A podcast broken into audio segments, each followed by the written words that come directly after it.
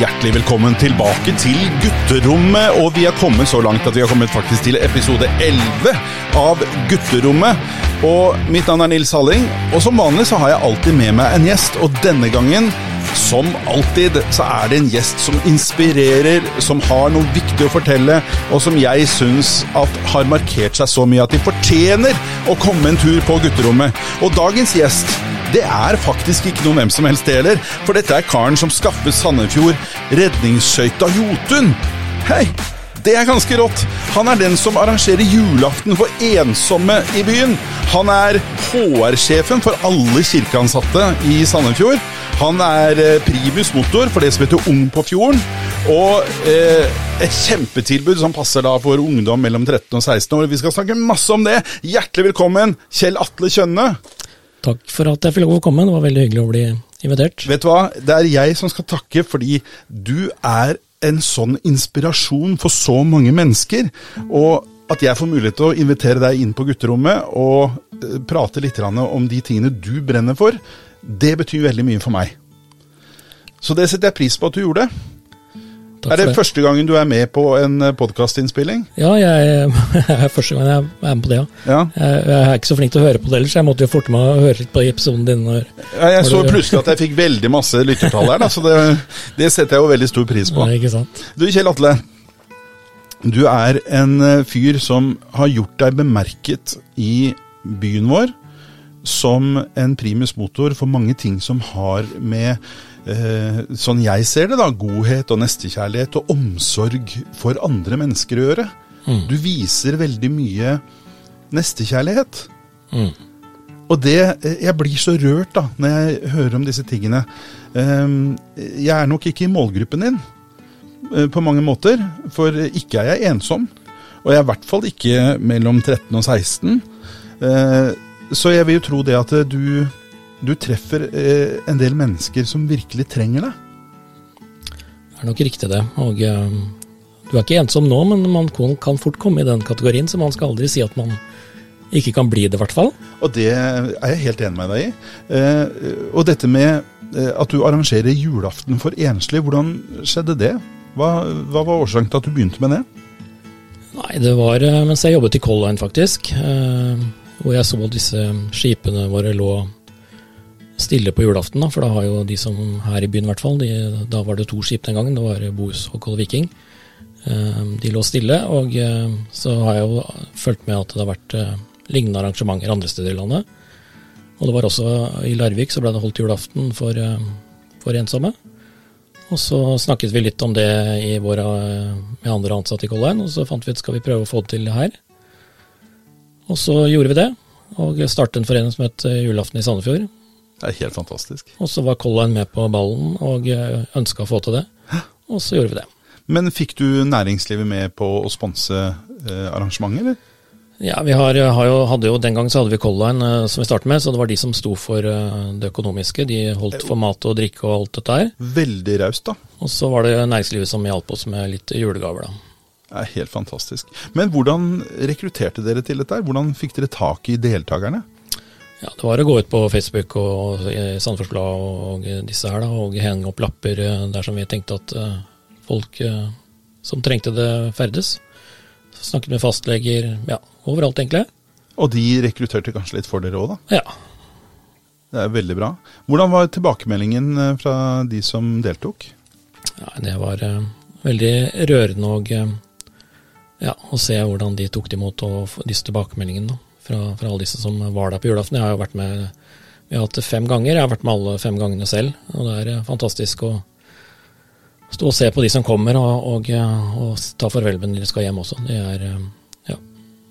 Det er Men, men Merka du at du bidro kanskje også til å skape nye vennskap? Ja, det blir jo det, ikke sant. Man treffer hverandre på, på julaften da, for første gang kanskje, mange. Og, og, det er jo en del av det, at vi mingler med på forskjellige bord og setter de sammen. Og så, så finner man venner der og eh, kan gå videre med det. Mm. Er det noen av de du har fulgt eh, videre i etterkant, eller? Ja, noen har jo vært med alle fem åra. Vi har drevet med det. Nå var det et eh, opphold i pandemien, og så, så har vi, nå er det ikke Color Line som har det mer, da. Nå er det Fjord Line som har tatt over, så vi har mm. vært to ganger på Fjord Line. Så, men det er akkurat samme opplegget. Og noen har vært med alle, alle årene, og de Ja, jeg traff en av de på ferja. Jeg var selv på ferja i forrige uke, og da traff jeg en av de der, faktisk. Ja. Var på tur, da. Så artig, da. Ja, ja, ja, det er veldig bra.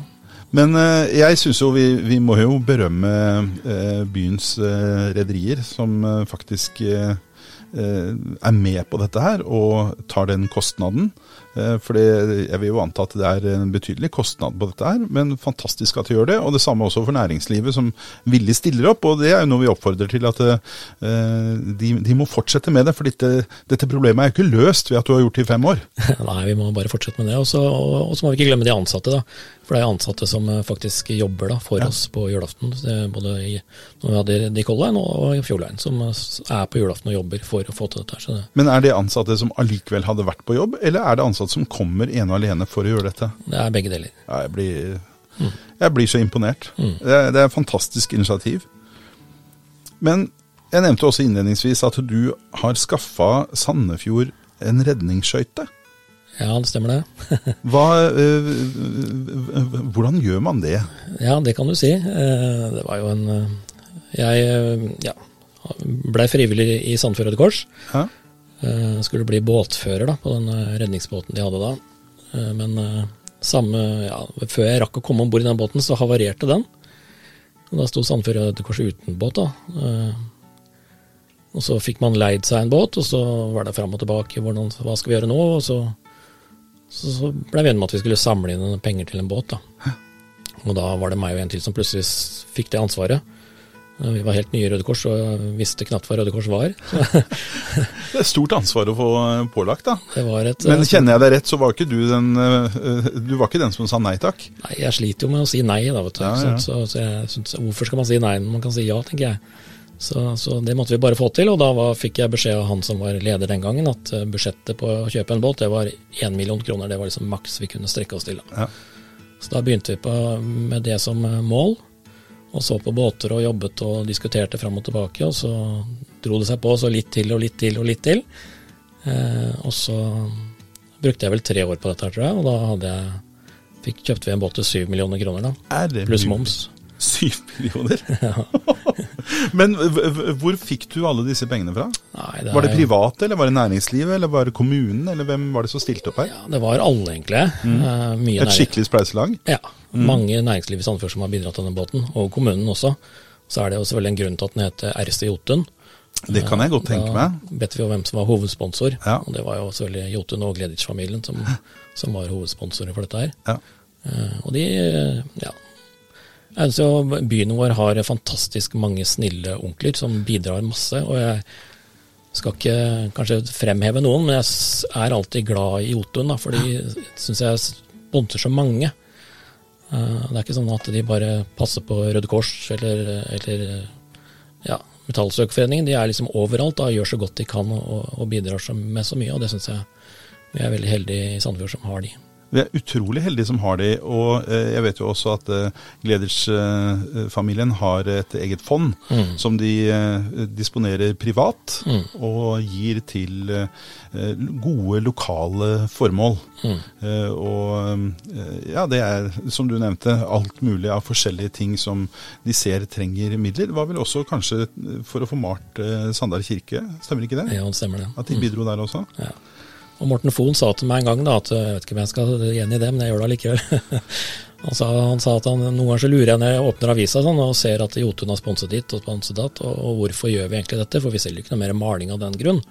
Men det er som han sa, at vi gjør det for at Sandefjord skal være en fin by å bo i da, for de som bor der. og Det er som grunn til at de gjør det. Det, er, det er jo en fantastisk tankegang fra en næringslivsaktør eh, om sin egen hjemby. Men nå er jo også hva skal jeg si, båndene mellom Sandefjord og Jotun er ganske tette. Mm. Du, du blir sett litt rart på hvis du maler huset ditt eh, med noe annet enn Jotun her i byen. Ja, det er sant det. Og så skal vi ikke glemme alle de andre, da, for når vi fremhever de, så, så er det mange, mange som sagt i Sandefjord som bidrar mye, syns jeg, Ja. til frivilligheten, og det skal vi være veldig glad for. Og den båten som eh, eh, da het eh, RC, Ja. for Red Cross, Ja. har jeg skjønt, for det har jeg lært i dag. Jotun. Og den, eh, den er operativ i dag, eller? Ja, den er operativ i dag. Mhm. Og hva slags oppgaver er det den tar på seg? Nei, den tar på seg alt med, med ja, det er slep, om det er brann eller om det er ambulanseoppdrag. Vi har jo ambulanseoppdrag for, eh, for AMK selvfølgelig. Mhm.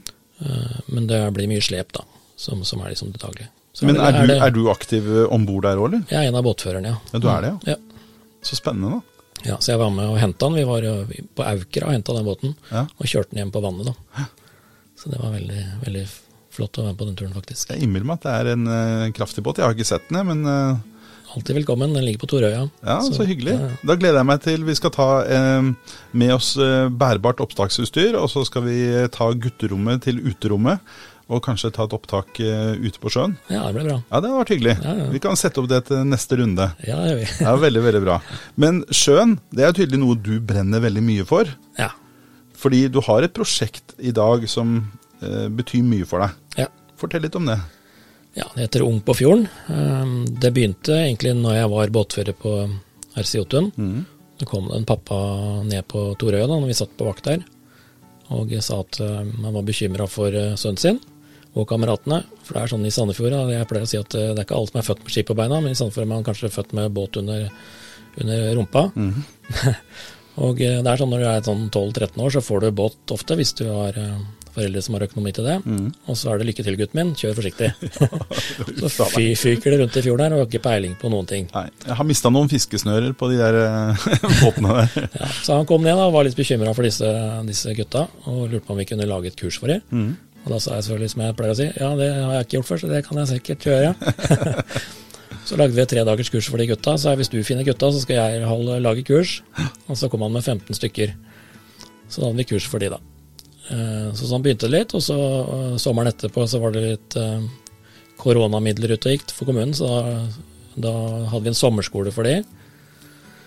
For en hel uke, da, for barn i samme alder, egentlig. Og hvor var dere da?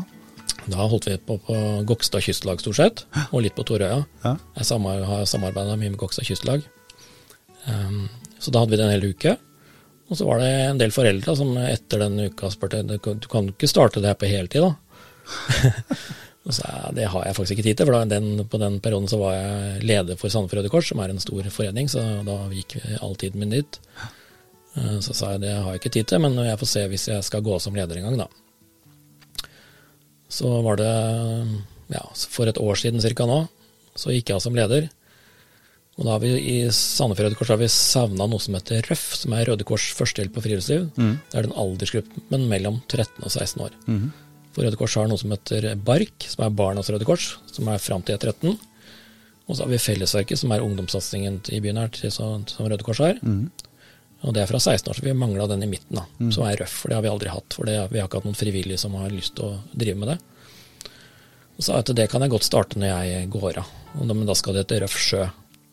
Stilig. Og så gikk jeg, og så snakket jeg med noen kamerater. Skal vi starte Røff sjø? Så var de sånn Nei, men skal vi ikke heller starte vår egen forening, da? Det er mye kulere. Å starte for oss sjøl.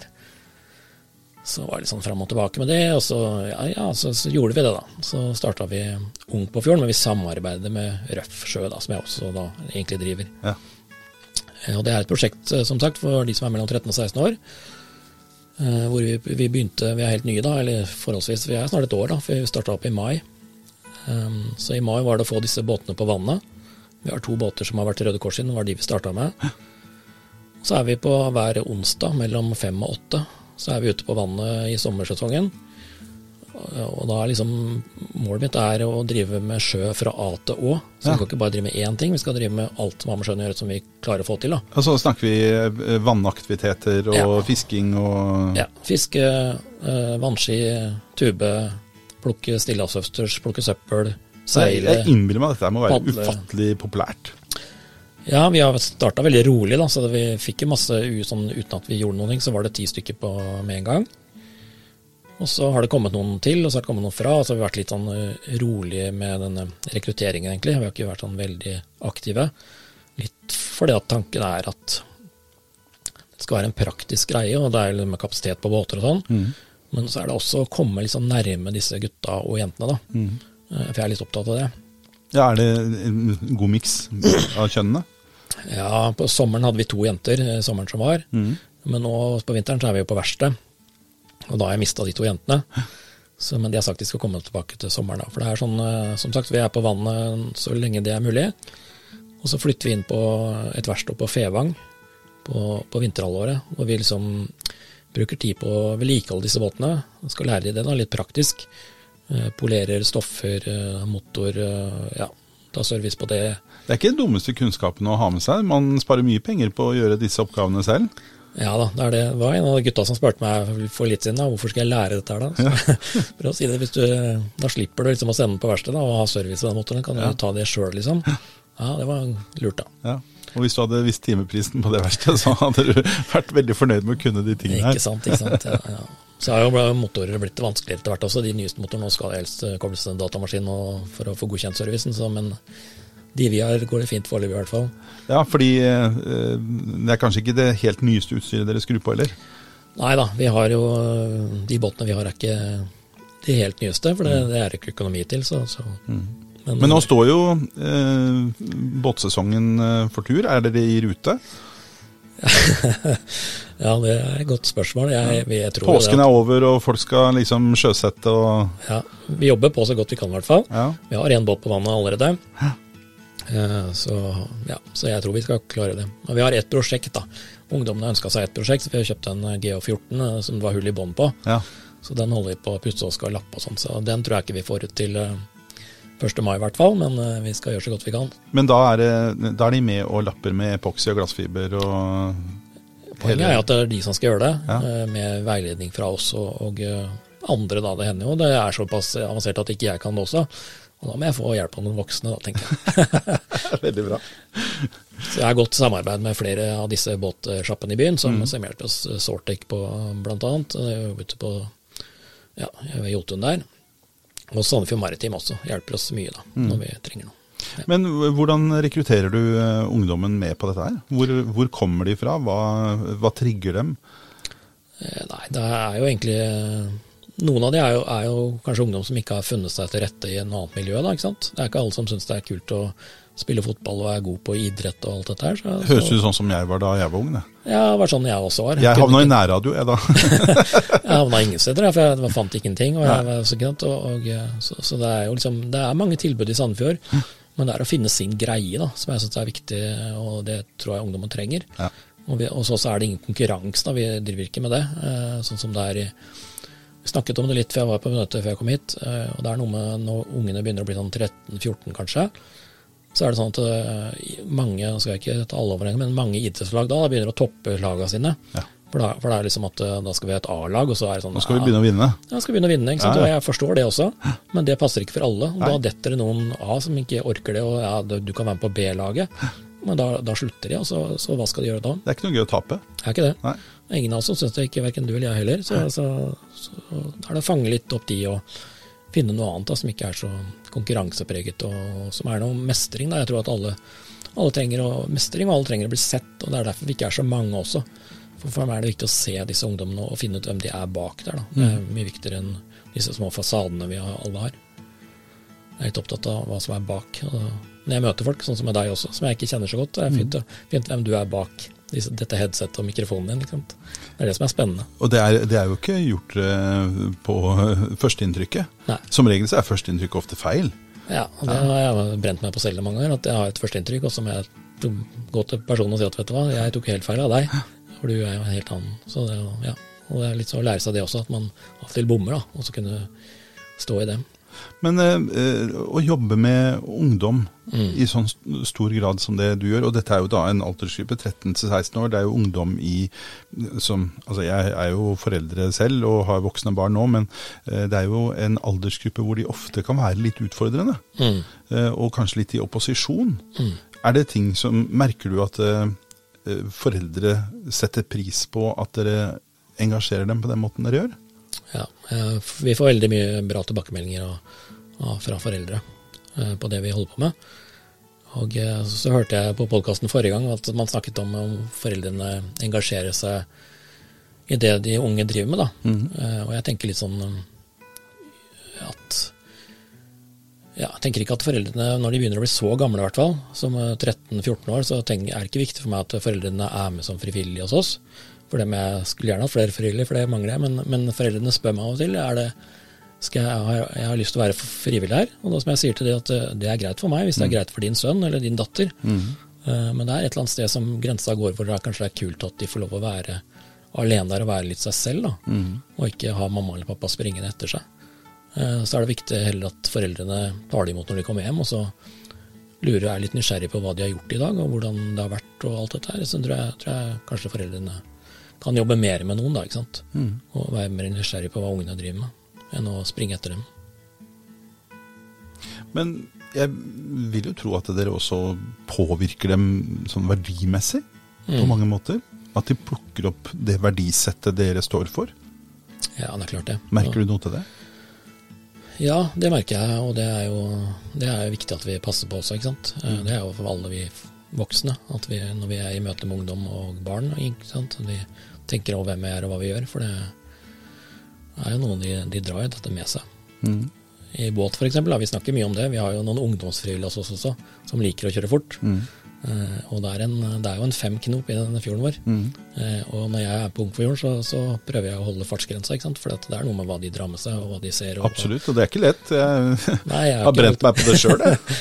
Nei, jeg har lyst, lyst til å kjøre litt fortere noen ganger, jeg også, Mm. men jeg kan ikke det når jeg har med de. ikke sant? Det er noe med Vi kan egentlig ikke det uansett. Vi kan ikke det. det er fristende av og til.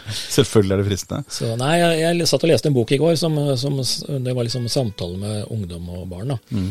Eh, Hvor de sa liksom at livet er jo en reise. Mm.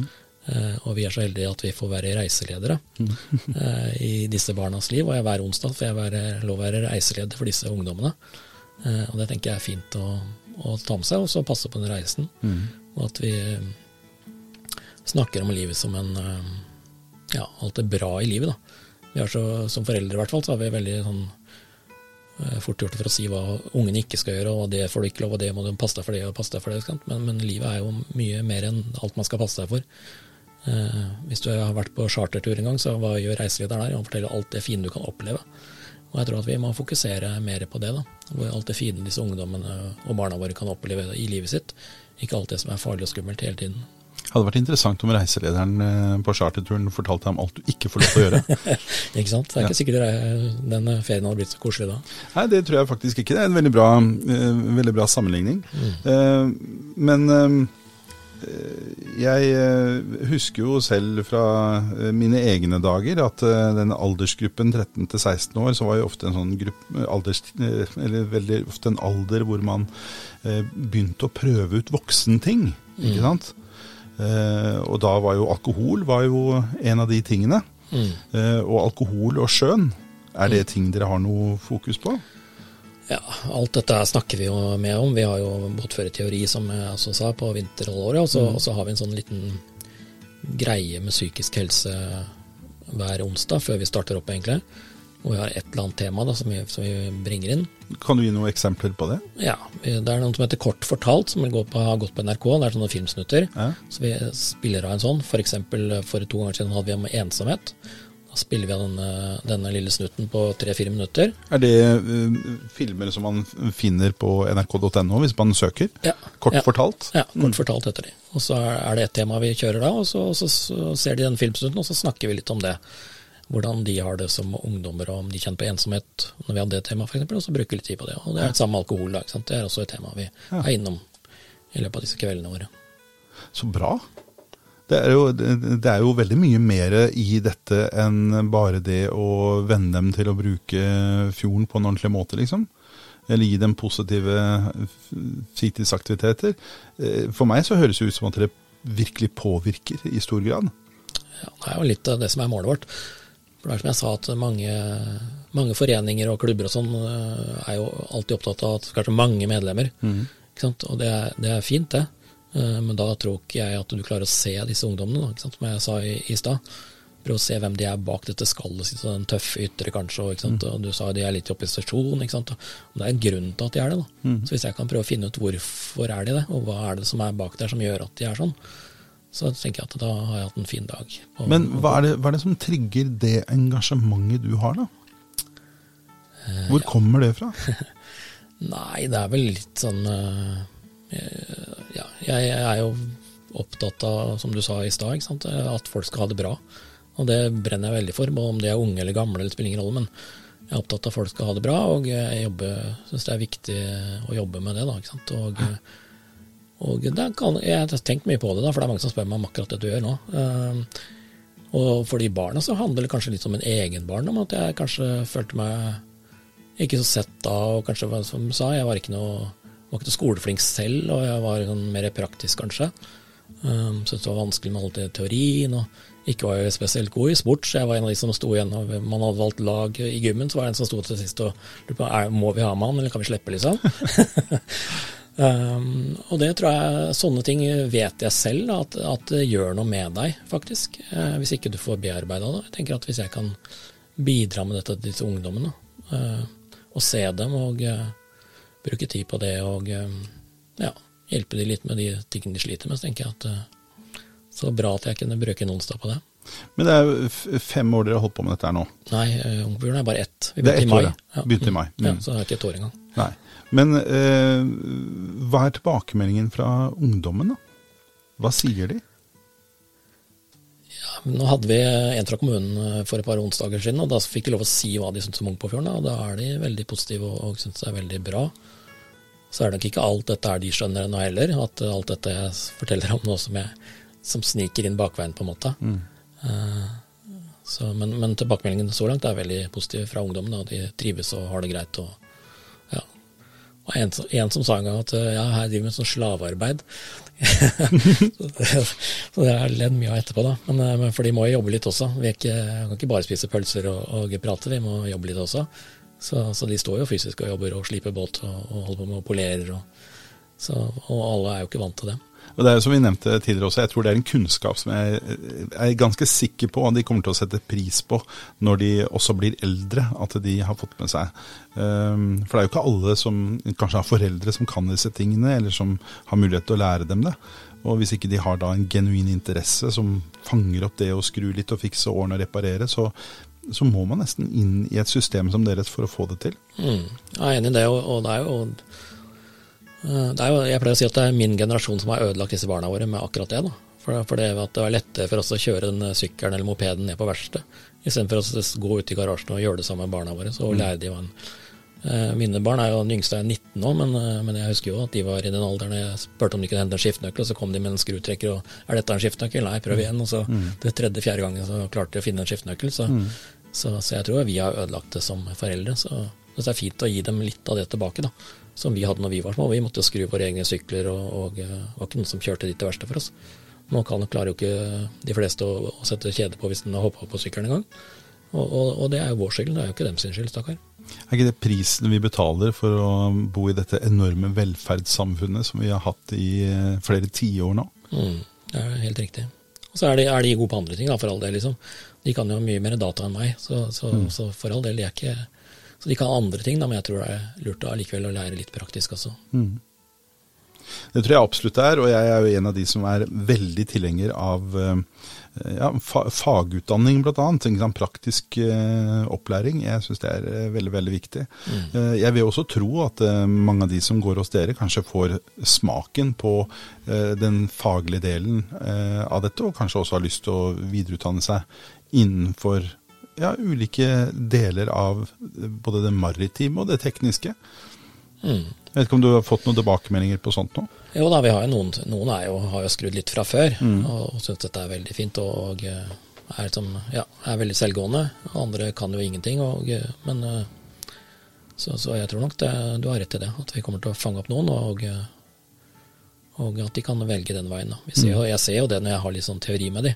Jeg ser jo hvem som detter av. Det skal ikke mange minuttene til før noen av de blir veldig hypre og ikke klarer å sitte stille og sånn. Så jeg, mm. jeg, ser jo hvem som Men hva gjør du da for å motivere dem til å, å fortsette å henge med? Nei, vi, vi, prater litt om det, og så kjører vi litt mindre økter. da, For jeg, mm. jeg har forståelse for at alle, ikke alle syns at teori er så gøy. Mm. Men så er det liksom å, å Vi jobber jo mot båtførerprøven en gang der borte. Mm. Så er liksom å motivere dette at uh, dette må du gjennom da, hvis du skal klare den båtførerprøven om litt. Så, så får vi til det. Vi slapp det, vi, når vi uh, vokste opp. Det var ja. ikke noe krav til det. Nei, vi er jo er så gamle at vi slapp. Men jeg ja. tok den likevel. da. Jeg hadde valgfag, og da var det valgfag på skolen jeg gikk, faktisk. Så jeg tok den der. Men, ja. Jeg var i marinen, så jeg, jeg tok ikke båtførerprøve, men jeg lærte meg å navigere i marinen og klarte meg fint med det. Men nå har jeg heller ikke hatt så veldig store båter. Men uh, det, før i tiden så var det jo sånn at vi kunne ha uh, var det, Vi kunne kjøre opp til 49 fot uten å ha noe sertifikat. Ja, Det er ja. jo spinnvilt, spør du meg. ja, da er helt enig. 49 fot, da begynner vi å snakke en, en liten yacht, altså. Ja, ja. Nei, det, men, men så skal jo sies at jeg, ja, jeg har litt meninger om båtførerprøven i dag også. Den er jo nesten en vits. Ja, hvordan da? Ja, man, man, man kan jo ta båtførerprøven på en, på en kveld på Park hotell, men vel en dag, da. Man begynner på morgenen, og så, så går man gjennom teorien, og så tar man eksamen på kvelden, og så får man båtførerprøven. Så øh, hvor mye mer du har lært da, vet jeg ikke. Så, så jeg er jo ikke helt for den måten det er laget på. Nei. Men jeg har jo lagt merke til at noen av disse aktørene i den bransjen der er jo veldig kommersielle aktører, som virker som de bare er ute etter å tjene penger. Mm. Jeg vet ikke om du er klar over det, men jeg har en eh, Facebook-side som eh, heter Det skjer i Sandefjord. Ja. eh, Som jeg eh, har fått lov til å styre siden begynnelsen. Eh, og der, er jeg veldig nøye med at de som skal legge ut noe der, det skal være arrangementer som skal være åpne for alle, og alle skal kunne være med og sånt noe. Og så skal det ikke nødvendigvis være sånn veldig kommersiell tilknytning på det. Men der har det noen ganger kommet inn noen av disse aktørene da, som er veldig aggressive i markedsføringen sin. Og det syns jeg ikke så veldig mye om. Da må jeg innrømme at jeg hiver dem ut. Ja, ikke sant. Men, men det er jo sånne folk jeg har snakket med, folk som har disse båtførerprøvene, eller kursene, da, og har prøvd liksom på helgekurs og litt lengre kurs, men mm. det vil jo ikke folk ha, for de vet at de kan ta det på én dag, og da gidder de jo ikke å gå tre-fire dager. Hva blir neste nå? Blir det nettkurs? Ja, det blir sikkert Man kan jo egentlig ta det, man kan holde jo bare å ta eksamen, egentlig. Ja. Så man trenger ikke gå kurs i det hele tatt. Men det er en offentlig eksamen på samme måte som jegerprøven, eller? Ja, det er vel noen sånne kurssentre altså, som, som du tar. eh, Eians bil, tror jeg, har det, eller den trafikkskolen, tror jeg du kan ta det på, i hvert fall. Ja. Det var i hvert fall det tidligere. Men eh, vil du eh, anbefale at eh, også folk på min alder går og tar båtprøven? Jeg vil jo det. Jeg syns jo det er fint og hvis man skal ferdes på sjøen at man, man vet uh, disse reglene, da. Og, ikke sant? Det er, en grunn for at det går galt. Det er jo ikke det at uh, Og det handler om ikke bare om man har den eller ikke, for det er som jeg sier, den er jo altfor kort. Så man, man, det er jo sånn hurtiglæring som man glemmer igjen. Så det er jo greit å vite forskjellig på disse stakene og sånn når man ferdes ut, kanskje. Alltid en god idé. Ja. Ja. At vi tar det litt mer med ro også, som jeg pleier å si. da. Det er kanskje det viktigste. At vi slapper av litt og ikke har så dårlig tid hele tiden. Det er vel det som er de fleste ulykkene, tenker jeg. Det er jo greit med begrensning på fem knop i fjorden òg. Det er jo det er en grunn til at det er fem knop. Det er veldig bra. Men eh, det å, å ha dette Eller å jobbe med ungdom på den måten du gjør, det er jo ikke gratis. Hvordan finansierer dere det? Ja, vi, vi søker jo midler eh, overalt, egentlig, så godt vi kan. Uh, Nå er vi heldige som samarbeider med Røde Kors, da, for de har jo litt mer midler enn vi er som er nystarta. Så de tar litt av husleia vår. Uh, Og så betaler jeg litt av husleia privat. Ja. Det er jo vanskelig å, å søke og få midler til sånne ting som husleie, strøm, alt dette her. ikke sant? Det er lettere å få til, til uh, hvis jeg skal ha en båt, da. Så er det lettere å søke penger til noen spesifikke spesifikk ting som det. Ja. Sånne faste utgifter som, som husleie og, og strøm og sånn er veldig vanskelig å få midler til. da. Men du får vel eh, kanskje søkt litt eh, til fond og legater og sånt da, når det er sånne konkrete ting du trenger? Ja, ja. Så, så det gjør vi, og det er jo vi har vært heldige så langt, i hvert fall. Men må ungdommen betale noe for å være med? Nei, Nei. det er gratis. Og det er jo det ulempen, selvfølgelig, for det er penger man kan bruke til eh, husleie og sånn. Men eh, for oss er det viktig at det skal være gratis, for at eh, alle skal ha mulighet til å få være med da, på lik linje som alle andre. Men hvis det sitter noen eh, der ute nå som eh, Du sa jo Sandfjord har mange snille onkler. Ja. Hvis det sitter en snill onkel der ute og så tenker han at vet du, dette her var ganske inspirerende, og dette tror jeg er et viktig arbeid for en gruppe som kanskje blir litt glemt. De som ikke syns at eh, fotball eller håndball er det gøyeste i verden. Ja. Eh, hvordan skal de støtte dere? Nei, det er jo enten med økonomisk, eller, eller om det er, de har noe utstyr eller ting som passer til båt og alt sånt. Så, så det er jo litt hva man ønsker. Eller så kan man bli frivillig også, det også er jo en støtte. Ja, Har du mange voksne frivillige som er med deg? Nei, vi er to stykker, og så en ungdomsfrivillig, så vi er tre bare. Ja. Ja. Og dere klarer å holde unna? Vi gjør så godt vi kan og holder unna. Og vi har eh, stort sett eh, Vi tar aldri sånn verken sommerferie eller påskeferie, eller vi prøver å ha oppe hver eneste onsdag. Og jeg tenker at disse eh, ungdommene Det er ikke alle som har noe å gjøre for dem det er påskeferie eller, eller sommerferie eller, eller noen ting. Det er sant, det. Så, så vi det er kanskje det er viktigst å være der da, da. Og sommeren kan vi nesten ikke ta fri, for da, hvis vi driver med båt og har fri på sommeren, så, så blir det blundrete. Det forstår jeg veldig godt. Men hva med de som eventuelt har lyst til å være med på dette, her da? altså ungdom? Ja. Hvordan kommer de i kontakt med dere? Ja, hvis de går på Ung på fjorden på Facebook, eller vår hjemmeside, som de finner der også, så, så kan de bare komme dit. Eller finne meg på Nå har de jo navnet mitt her, så kan de bare ringe meg også. Ja. Det kan jo foreldre som eh, kanskje eh, er inspirert også gjøre. Ja, Så er det mulig å komme bare en onsdag og se hva vi holder på med, og se om det er noe for dem også. Vi er ikke sånn Helt uten forpliktelser. helt uten forpliktelser. Ja. Hvor på Fevang er det dere holder til? Er 500, det er der Fat og Fe har, eh, holder til. Det er en sånn gårdsbutikk, som vi holder til i Låvendalen. Så bra. Det er jo landlig og greit, da. Ja, ja, Kan bråke litt med motorer og ja da, kan vi gjøre det. Langt fra sjøen, men, men sånn er det. Veldig, veldig artig. Eh, Jeg, jeg blir veldig inspirert, og jeg syns det er veldig spennende. Og jeg håper så inderlig at dere lykkes med dette her, fordi jeg tror det er viktig eh, for eh, ungdommen. Som jeg, jeg, jeg føler ofte at ungdommen blir litt glemt da, i byen hvis ikke de involverer seg i idretten. Vi har eh, liksom De gamle ungdomsklubbene er borte. Det er eh, noen få aktivitetstilbud, f.eks. via Røde Kors og sånt noe. Men eh, kommunen er litt fraværende på dette, syns jeg. da. Ja, det er jo to store ungdomsklubber i byen. da. Det er jo Naperen og, og eh, Fellesverket. Ja. Men eh, hva med neste gruppering, da? De som er eh, 18 til 25, liksom? Ungdommen der. Ja. Har du noen planer for de? Jeg har ikke noen planer per i dag, men jeg kan jo utvide det jeg holder på med i dag. Det er bare å, å lage en ny gruppe, det som er for de større. Så det er ikke vanskelig, det. Man skal bare ha den tiden, da. Vet du, hva, Det er jo eh, ofte der det skorter, da. Ja. På den tiden. Men eh, du- du er jo en fyr som driver med veldig mye spennende. Eh, og eh, i det daglige virket ditt, da, Ja. så jobber du som eh, og dette er litt morsomt, du jobber som HR og eiendomsansvarlig i Sandefjord eh, kirkelige fellesråd. Ja. Det er jo en fantastisk tittel. Hvordan, hvordan kombinerer man HR og eiendom? ja, det kan du si. Det, det begynte jo at jeg var, var 100% HR. og så For det er det du egentlig er HR-mann, eller?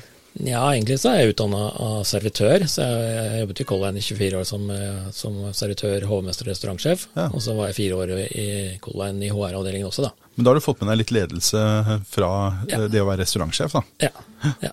Og så begynte, var jeg fire år i HR, som sagt, i Color Line. Og så, ja, så den, var jeg lei av båtlivet.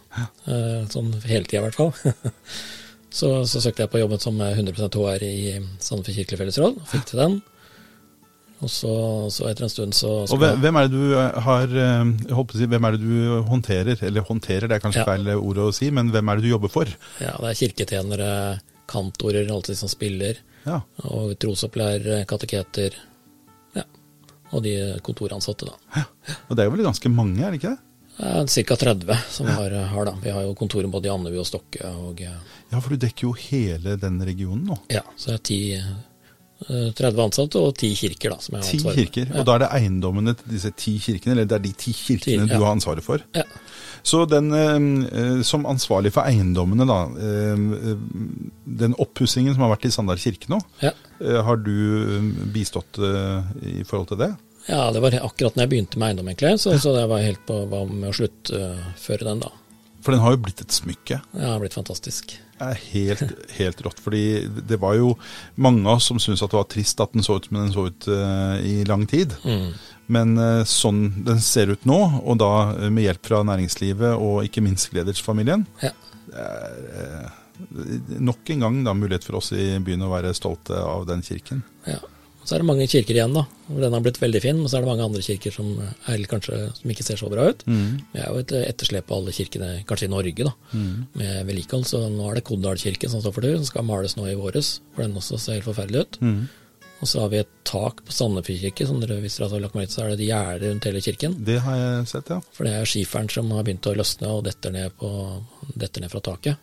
Det er ikke bra. Det er ikke bra. Det er ikke sånn særlig å få en sånn skiførtegn i, i hodet. Så Det kan fort gå gærent. det kan, da kan det bli fort bli natta.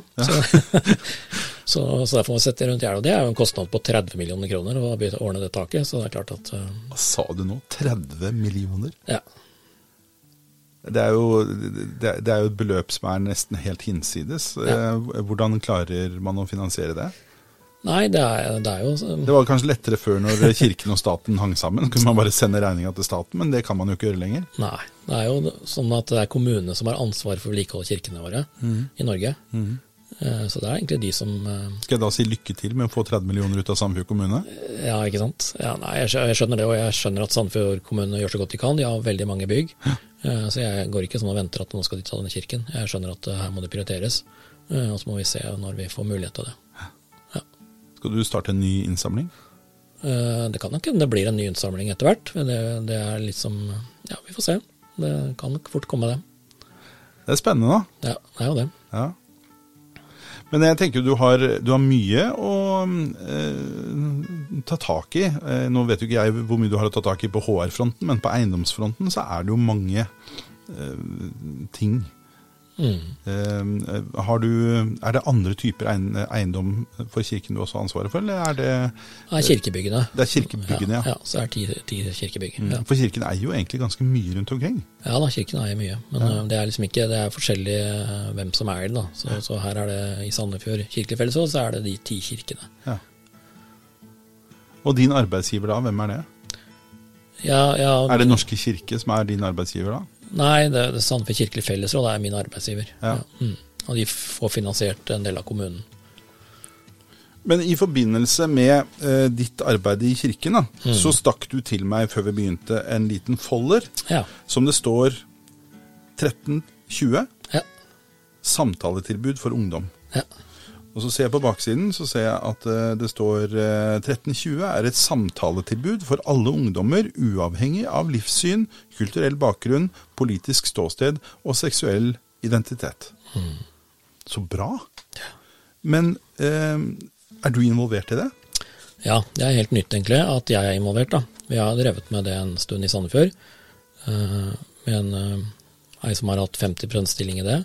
Som bare har jobbet med dette? Ja, 50 Og så fikk vi et tilskudd fra kommunen nå, eller de, da. Eh, og da fant vi ut at vi måtte utvide det tilbudet litt. Så nå har vi fått eh, ei til i 50% som skal ha Stokke- og Andebu-delen. Eh, og så er det tre andre, meg blant annet, som skal ta noen samtaler i den ja, Vi får ikke noe prosentstilling, men vi gjør de, den jobben vi har, egentlig, så får vi det til på, på grunn av det. Men dette syns jeg er så vanvittig bra, fordi jeg jeg vil jo tro at i dagens samfunn med eh, hvor mange voksne kanskje havner litt i tidsklemma mellom eh, privat og jobb og forpliktelser og aktiviteter og alt som skjer, så forsvinner muligheten for den gode samtalen. Mm.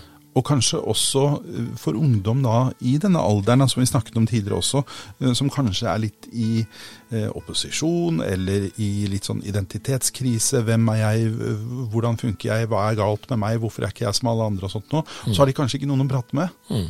At de da har muligheten til å snakke med noen som er voksne og uhildet, ikke sant. Mm.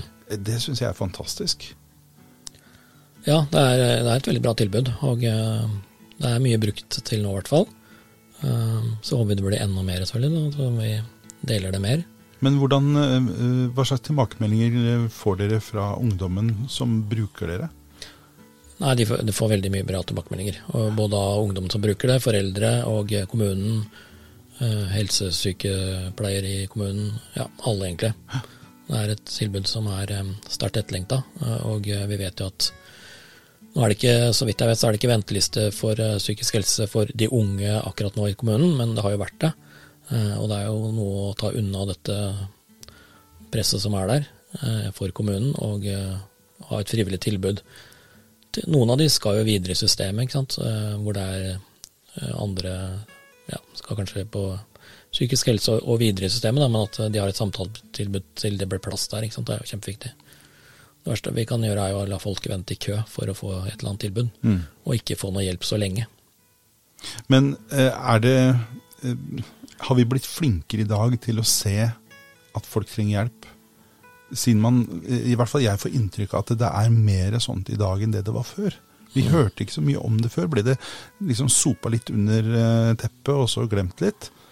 Og så skura det og gikk? Eller, eller hva, hva skjer? Eller er det blitt tøffere? Jeg tror, jeg tror det er et veldig sammensatt og vanskelig spørsmål å svare på, egentlig.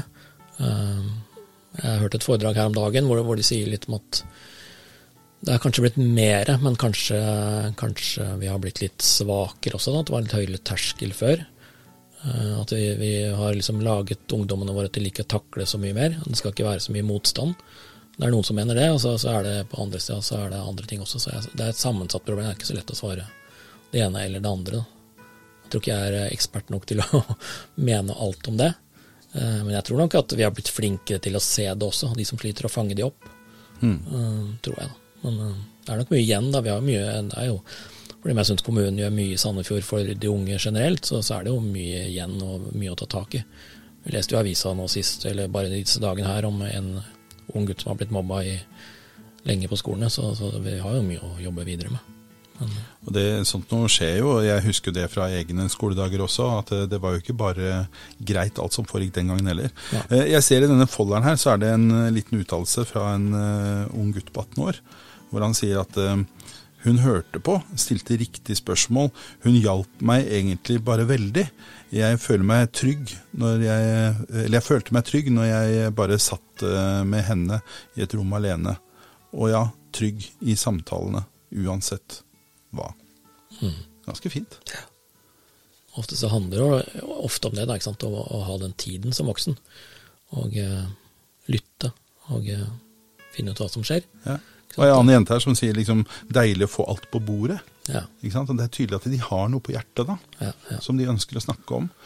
Men, og det er, mange, det, er, det er, ganske mange heavy og tunge samtaler også. Det er ikke, mm. det er ikke noen bare kjærlighetssorg. Det er ja, mange, mye mer alvorlig enn det. Ofte. Det er mange skjebner der ute. Ja. Men det er jo fantastisk at man fanger opp, eh, eller at noen er villig til å ta tak i det. Mm. Er det det den nestekjærligheten her er jo det kanskje Kirken må fortsette å fokusere på? Ja, jeg tror jo det. At, at, og det er jo er viktig for Kirken. Mm. Eh, og, det, og, det, er det de har gjort i mange år, men kanskje på andre måter. da. Mm.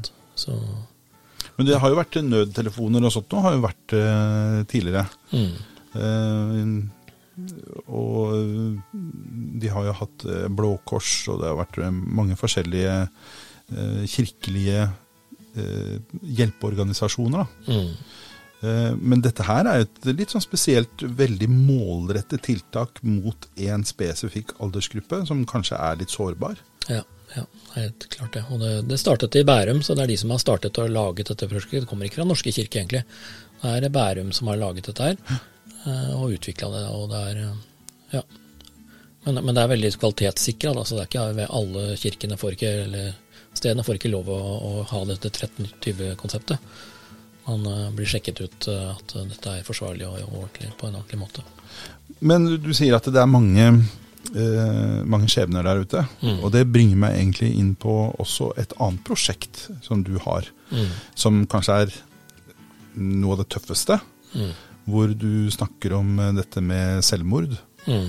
Uh, og det ligger mye i forhold til psykisk helse også i det. Mm. Men det er kanskje ikke spesielt retta mot nødvendigvis ungdom, men på generell basis. Kan du fortelle litt om hva er det du jobber med der? For det også er jo litt sånn på frivillig basis, er det ikke det? Ja, det er faktisk ikke det. Eh, for da har jeg faktisk et enkeltmannsforetak. Jeg holder um, kurs, Vivat-kurs, da. Førstehjelp ved selvmordsfare. Så, så, det er et opplegg via Vivat. Og, og, og hva innebærer det? Nei, det er jo å lære folk eh, å se etter disse tegnene. da. Eh, mm. Folk som er tenker på å ta livet sitt, og mm. fange de opp. Og, og førstehjelp da, for å få de til eh, behandling eller hjelp. Ja. Og hvem er det som er målgruppen for kursing innenfor dette? Ja, Det er egentlig alle. Det er ingen som ikke er i målgruppen vår. Så de har hatt Men er dette noe man kunne hatt på arbeidsplassen f.eks.? Ja, det er helt klart. Ville det vært et naturlig sted å fange opp signaler? At en kollega sliter? Ja, helt, helt klart. Og det ja, det er veldig, veldig relevant. Og eh, vi har jo hatt kurs eh, for Røde Kors. Vi har eh, hatt kurs for eh, kirkelig ansatte. Og kommunen har jo flere sånne kurs. Jeg har vært med på noen av de. Um, men jeg og, og driver og selger meg inn til næringsliv også, da, for jeg, jeg, mener jo akkurat som deg at, at, dette er viktig for alle arbeidsplasser. Eh, å ha, ha, et sånt kurs for å kunne støtte og hjelpe og se disse kollegaene sine som sliter. Det er, det er jo sånn man kan oppdage det lettest, tenker jeg. Men veldig ofte så, så hører man jo i de sakene hvor noen da har valgt å ta livet sitt, så får man jo ofte høre at eh, kollegaene de eh, Det kom som lyn fra klar himmel, liksom. De eh, så det ikke komme. Ja. Lærer du eh, folk å se signaler som kan være litt diffuse? Ja. Det er, en stor del av kurset er å, å se etter disse signalene. Skal det sies at eh, det er ikke alle man kan se signaler på, så, så, men, men de aller fleste eh, gir noen beskjeder om dette på forhånd. Men det er bare å klare å se de da, og fange de opp. Mm, de små signalene. Og noen sier det bare én gang, kanskje. Eh, så derfor er det viktig å det er derfor vi har to, som jeg pleier å si, det er derfor vi har to ører og én munn, bare. At vi skal lytte mer enn vi snakker. Da. Så kanskje vi får med oss noe av dette her. Er det lettere å få med stat, stat og kommune enn eh, det private næringslivet på denne type aktiviteter? Ja, helt klart. Hvorfor tror du det er sånn? Eh, Nei, det er fordi at mange, mange steder i kommunen, så, ja, i Sandefjord spesielt, da, har vært veldig opptatt av dette her, og hatt mange kurs for sine ansatte. Um, ja, og det er kjempefint for Sandefjord. Vi har en Harald Heggernes som, har, som er i kommunen som har holdt mange av disse kursene.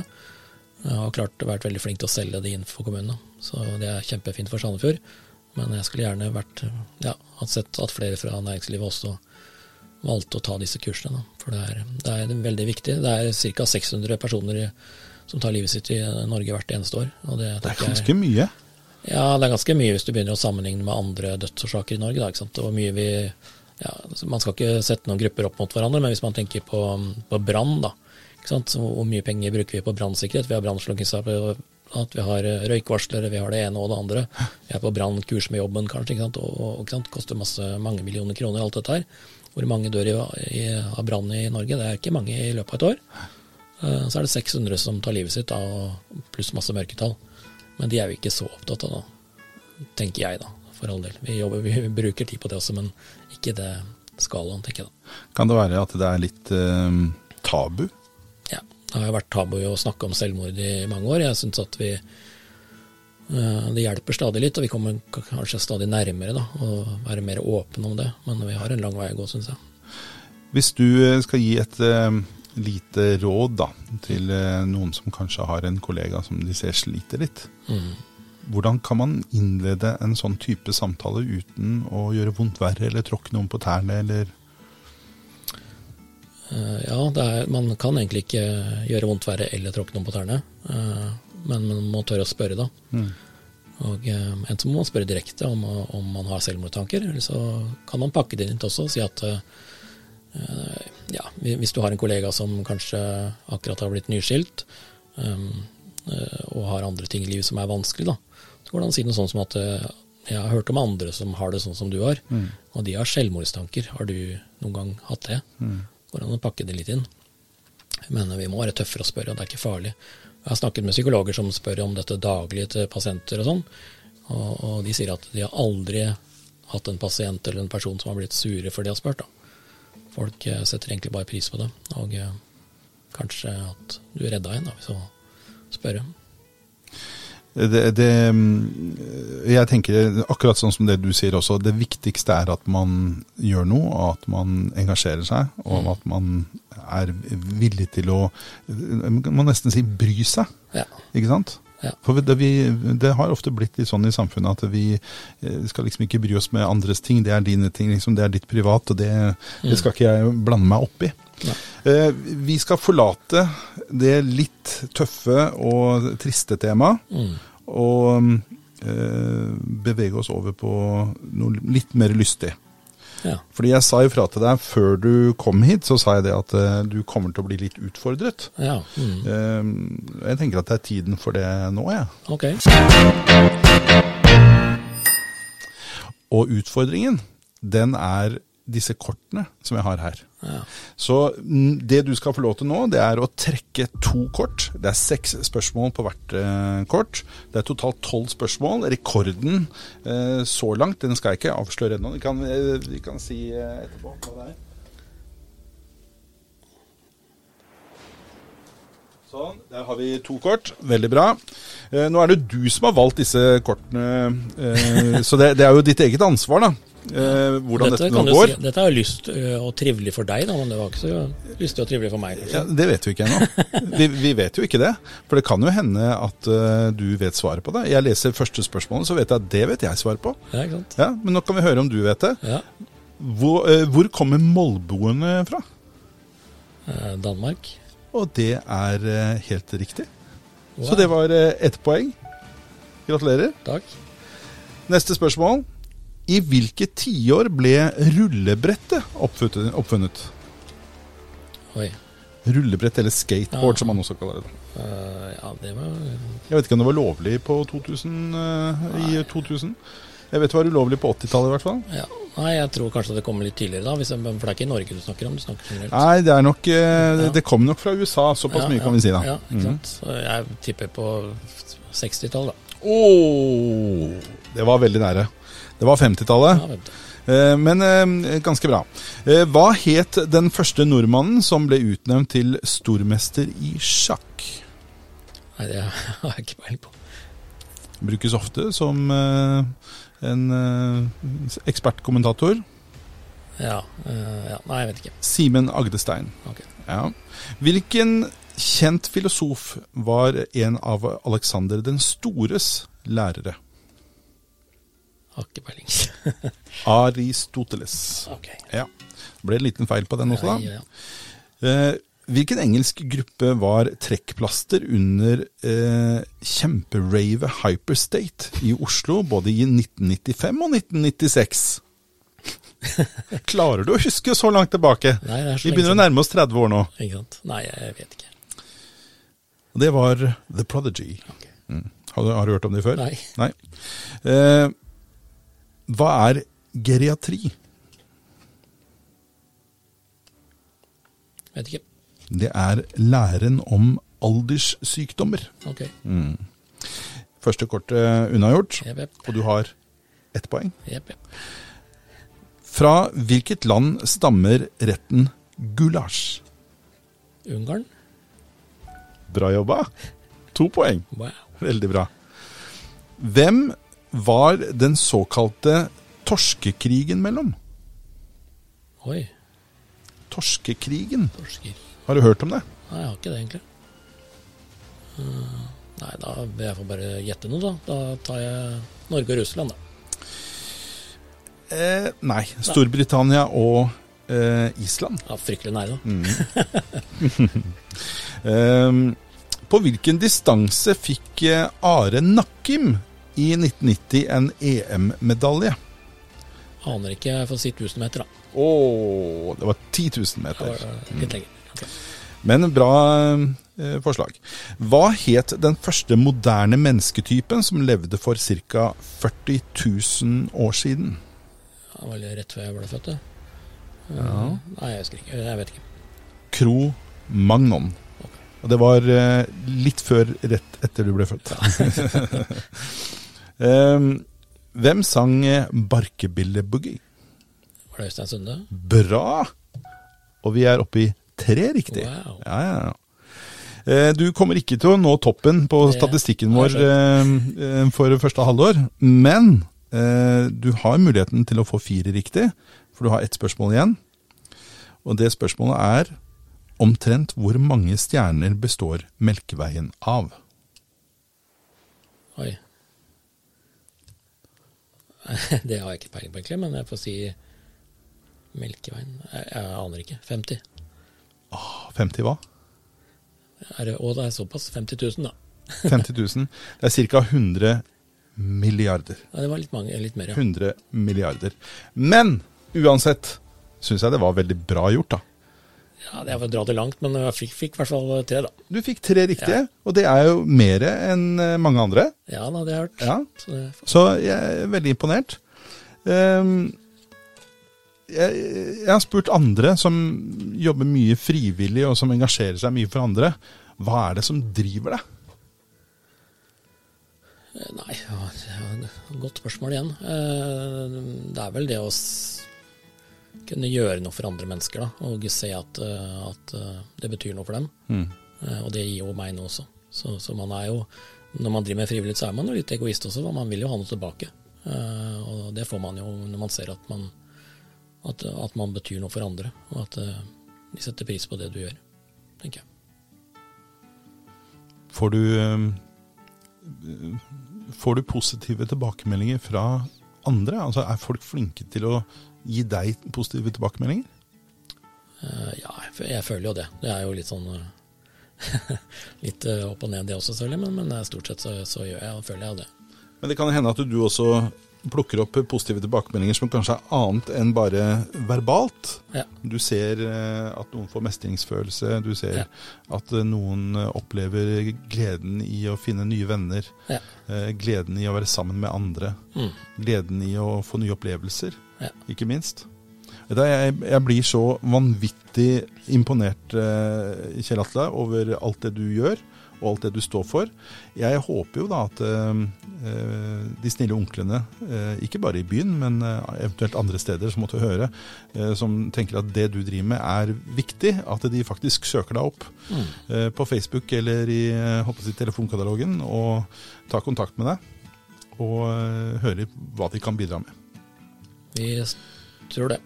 Og nå er det sånn at vi har kommet til veis ende for denne gangen. Den timen gikk fort, gjorde den ikke det? Jo, den gikk fort unna, dro det. Gjorde det. Så dessverre da, så er det sånn at vi er nødt til å avslutte for i dag. Ja. Men eh, det har vært en stor glede å ha deg med. Eh, og jeg eh, håper jo at eh, vi kanskje får anledning til å snakkes senere, som vi nevnte litt med å kanskje ta med mikrofonen ut og gjøre noe ute på sjøen. Ja. Det hadde vært veldig gøy.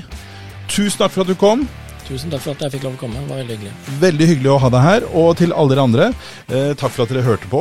Håper dere følger med på eh, Facebook-gruppa vår også. Så skal vi legge ut noen bilder av litt av det som eh, Kjell Atle holder på med.